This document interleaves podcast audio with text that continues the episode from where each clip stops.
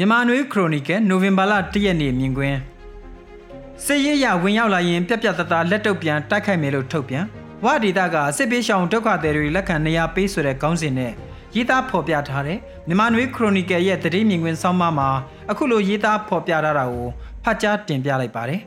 မြန်မာနိုင်ငံရှေ့မြောက်ပိုင်းမှာတရားဝင်သိမှတ်ပြုတ်ခံထားရတာမဟုတ်ပေမဲ့ကာကွယ်ရေးနဲ့အုပ်ချုပ်ရေးကိုမိမိတို့ဘာသာဆုံးဖြတ်ခွင့်ရှိပြီးတိုင်းသားလက်နက်ကိုင်အဖွဲ့တွေထဲ အင်အားအကောင်းဆုံးဖြစ်တဲ့ဝဒေတာအာဏာပိုင်တွေက၎င်းတို့ရဲ့လေပိုင်နဲ့မြေပိုင်နဲ့တဲစစ်ရေးအရဝင်ရောက်လာရင်ပြက်ပြက်တသားလက်တုပ်ပြန်သွားမယ်လို့အသိပေးကြေညာလိုက်ပါတယ်1989ခုနှစ်ဗမာပြည်ကွန်မြူနစ်ပါတီတဲကအတိကအင်အားဖြစ်တဲ့တိုင်းသားလူမျိုးစုလက်နက်ကိုင်အဖွဲ့တွေထဲအင်အားကြီးတဲ့ဝတိုင်းသားတွေနဲ့ကိုကန့်တိုင်းသားလက်နက်ကိုင်တွေ၎င်းတို့ဘာသာ၎င်းတို့ယက်တီဖို့ဆုံးဖြတ်လိုက်ပြီးဗမာပြည်ကွန်မြူနစ်ပါတီခေါင်းဆောင်တွေကိုပုံကန်ကြတဲ့နောက်နှစ်34နှစ်ကြာအနေထားကိုအကဲဖြတ်ကြည့်ရင် ဝဒေတာဟာစစ်ရေးရအားကောင်းပြီးမြန်မာနိုင်ငံရဲ့စစ်အစိုးရရွေးကောက်ပွဲနဲ့တက်လာတဲ့အစိုးရလက်ရှိအာဏာသိမ်းစစ်အစိုးရအဆက်ဆက်မြန်မာအစိုးရစစ်တပ်ကိုအသိမှတ်ပြည့်ုံပြုပြီးတစ္ဆာကံအဆင့်တက်ပုံမြင့်တဲ့အနေအထားနဲ့ရပ်တည်နေနိုင်တဲ့တခုတည်းသောဒေတာဖြစ်ပါတယ်။တရားဝင်အားဖြင့်လွတ်လပ်ရေးရနေတာမဟုတ်ပေမဲ့လည်းလွတ်လပ်ရေးရထားတဲ့အနေအထားနည်းနည်း၎င်းတို့ဘာသာ၎င်းတို့ရဲ့ကာကွယ်ရေးစီးပွားရေးအုပ်ချုပ်ရေးကိုစီမံခန့်ခွဲပြီးမြန်မာပြည်တွင်မက မြန်မာပြည်မှကအစိုးရရဲ့ဌာနဆိုင်ရာရန်တရားမစိုးမိုးမတက်ရောက်နိုင်တာဝဒေတာလို့ဆိုရမှာဖြစ်ပါတယ်။ဗမာပြည်ကွန်မြူနစ်ပါတီချုပ်ရင်းစီတဲ့ဝအကိုကန်စတဲ့တိုင်းသားလက်နက်ကိုင်အင်အားစုတွေခွဲထွက်ပုံကန်လိုက်ပြီးနောက်စစ်ရေးအင်အားကိုအားကောင်းအောင်တိစောက်ထားခဲ့တယ်လို့စီးပွားရေးအနေနဲ့တော့တရုတ်ပြည်ကိုမြန်မာပြည်မှတဲ့ပုံမတိတွေဆက်သွယ်ကတည်ငြိမ်တဲ့အနေအထားကိုထိမ့်သိမ်းထားပြီးနေဆက်ဒေသပြည်နယ်လူနေရာမျိုးအနေနဲ့တိုးတက်တဲ့အနေအထားလို့ဆိုနိုင်ပြီးစီးပွားရေးအင်အားရှိမှ စစ်အင်အားကိုလည်းခင်မြောင်လက်ကျတိစောက်ထားနိုင်တဲ့သဘောဖြစ်ပါတယ်။အခုတလောဖြစ်ပျက်နေတဲ့မြောက်ပိုင်းလက်နက်ကိုင်ညီနောင်သုံးဖွဲ့ကစစ်ကောင်စီတပ်တွေစခန်းတွေကိုတိုက်ခိုက်ကြတဲ့အနေအထားမှာဝဒေသအာဏာပိုင်တွေအနေနဲ့လူသိရှင်ကြားဘယ်လက်နက်ကိုင်အဖွဲ့ကမှထောက်ခံရည်တည်တာမတွေ့ရပါဘူး။နောက်ွယ်မှာတော့ဆက်ဆံရေးအားပေးရည်တည်မှုတွေရှိကောင်းရှိနိုင်ပြီးတရားဝင်ရည်တည်ထောက်ခံတာလက်နက်ကိုင်ပြိပက္ခတဲ့ပါဝင်ပတ်သက်ခြင်းမပြုဘဲဝဒေသရဲ့ရရှိထားတဲ့အနေအထားမဆုံးရှုံးအောင်ရည်တည်နေတာဖြစ်ပါတယ်။ ဝဒေသရဲ့ရရှိထားတဲ့အနေအထားဟာမြန်မာနိုင်ငံကတိုင်းဒေသလက်နက်ကိုင်အဖွဲ့အများပြားကအားကျရတဲ့အနေအထားမျိုးဖြစ်ပြီးပြည်မကအစိုးရဆက်ဆက်မှာလဲအခြားသောဒေသတွေကလက်နက်ကင်တိုက်ပွဲတွေနဲ့တင်လက်မလဲအောင်တိုက်ခိုက်နေရတာကြောင့်ဝဒေသကိုတိုက်ခိုက်နိုင်ခြင်းအာဏာဆက်ဖြန့်ကျက်နိုင်ခြင်းမရှိဘဲဆယ်စုနှစ်များစွာတည်ငြိမ်စွာနဲ့စစ်အင်အားစီးပွားရေးအင်အားကိုတိစောက်နိုင်ခဲ့တဲ့အနေအထားဖြစ်ပါတယ်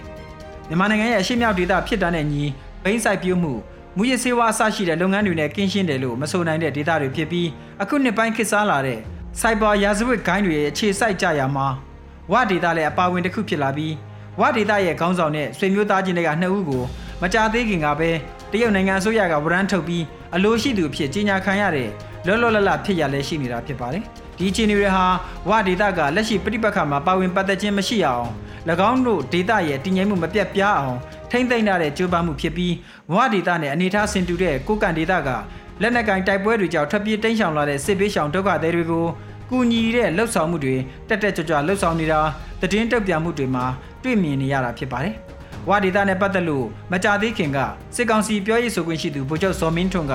တရုတ်ဘာသာနဲ့ထုတ်လွှင့်တဲ့ဖိနစ်သတင်းဌာနရဲ့အင်တာဗျူးမှာစိုက်ဘာရာဇဝတ်ခိုင်းတွေနဲ့ပတ်သက်ပြီးပြောဆိုရမှာဝါဒေတာထဲမှာမြန်မာရပ်ဘက်ဆိုင်ရာဝန်တန်းတဦးတလေမှမရှိကြောင်း ငြိမ်းချမ်းရေးအတွက်အပြစ်ရထားတဲ့ဒေတာဖြစ်ပြီးလက်နက်ကင်တပ်တွေဝင်ရောက်တာနဲ့ငြိမ်းချမ်းရေးပျက်စီးသွားမယ်လို့ပြောဆိုပြီးဝါဒေတာရဲ့လွတ်လပ်တဲ့အနေအထားကိုတက်သေးခံပြောဆိုခဲ့တာလည်းဖြစ်ပါတယ်။ဝါဒေတာရဲ့အနေအထားတွေနဲ့ပတ်သက်ပြီးအကြောင်းအရာတွေတင်ပြပြီးနောက်1027စစ်စင်ရေးရဲ့နိုဝင်ဘာ၁ရက်နေ့နောက်ဆုံးအခြေအနေတွေကိုအကြမ်းဖြင့်တင်ပြရရင်စစ်စင်ရေးစတင်ပြီး6ရက်မြောက်နေ့အပြီးမှာမြန်မာနိုင်ငံရှိမြောက်ဒေသတစ်ခွင်မှာစစ်ကောင်စီရဲ့စခန်း90နီးပါးကိုမြောက်ပိုင်းညီနောင်လက်နက်ကိုင်၃ဖွဲ့နဲ့ BPLA, PLA, MDY PDF တို့ပူးပေါင်းဖွဲ့တွေကတင်ယူခဲ့ပြီးဖြစ်တယ်လို့ထုတ်ပြန်ထားပါတယ်။နောင်ချိုကစလို့မူဆယ်ကြားလမ်းပိုင်းတွေမှာတိုက်ပွဲတွေလမ်းပိတ်ဆို့ထားတာတွေရှိနေပြီးတွာလာလို့မရသေးတဲ့အနေအထားဖြစ်ပါတယ်။ကချင်ပြည်နယ်ဘက်မှာလိုင်းစာကိုစစ်ကောင်စီကလေကြောင်းနဲ့ပုံကျဲတာတိုက်ခိုက်တာတွေဆက်လက်လှုပ်ဆောင်နေပြီးလိုင်းစာကိုလေကြောင်းတိုက်ခိုက်မှုတွေနဲ့ပတ်သက်လို့နေနမိတ်မြင့်တဲ့နိစ္စတာကြောင့်တရုတ်နိုင်ငံဘက်ကိုအသိပေးထားကြောင်းလဲစစ်ကောင်စီဘက်ကထုတ်ပြန်ပြောဆိုထားတာဖြစ်ပါတယ်မြန်မာနိုင်ငံတောင်ဘက်ပိုင်းမှာတော့ညောင်လေးပင်မြို့နယ်ထဲမှာတိုက်ပွဲဖြစ်ပွားနေတာရှိနေပြီး ဒေသခံထောင်နဲ့ကြီးထွက်ပြေးတိမ်းရှောင်နေရတဲ့တဲ့င်းတွေဖော်ပြထားကြတာဖြစ်ပါတယ်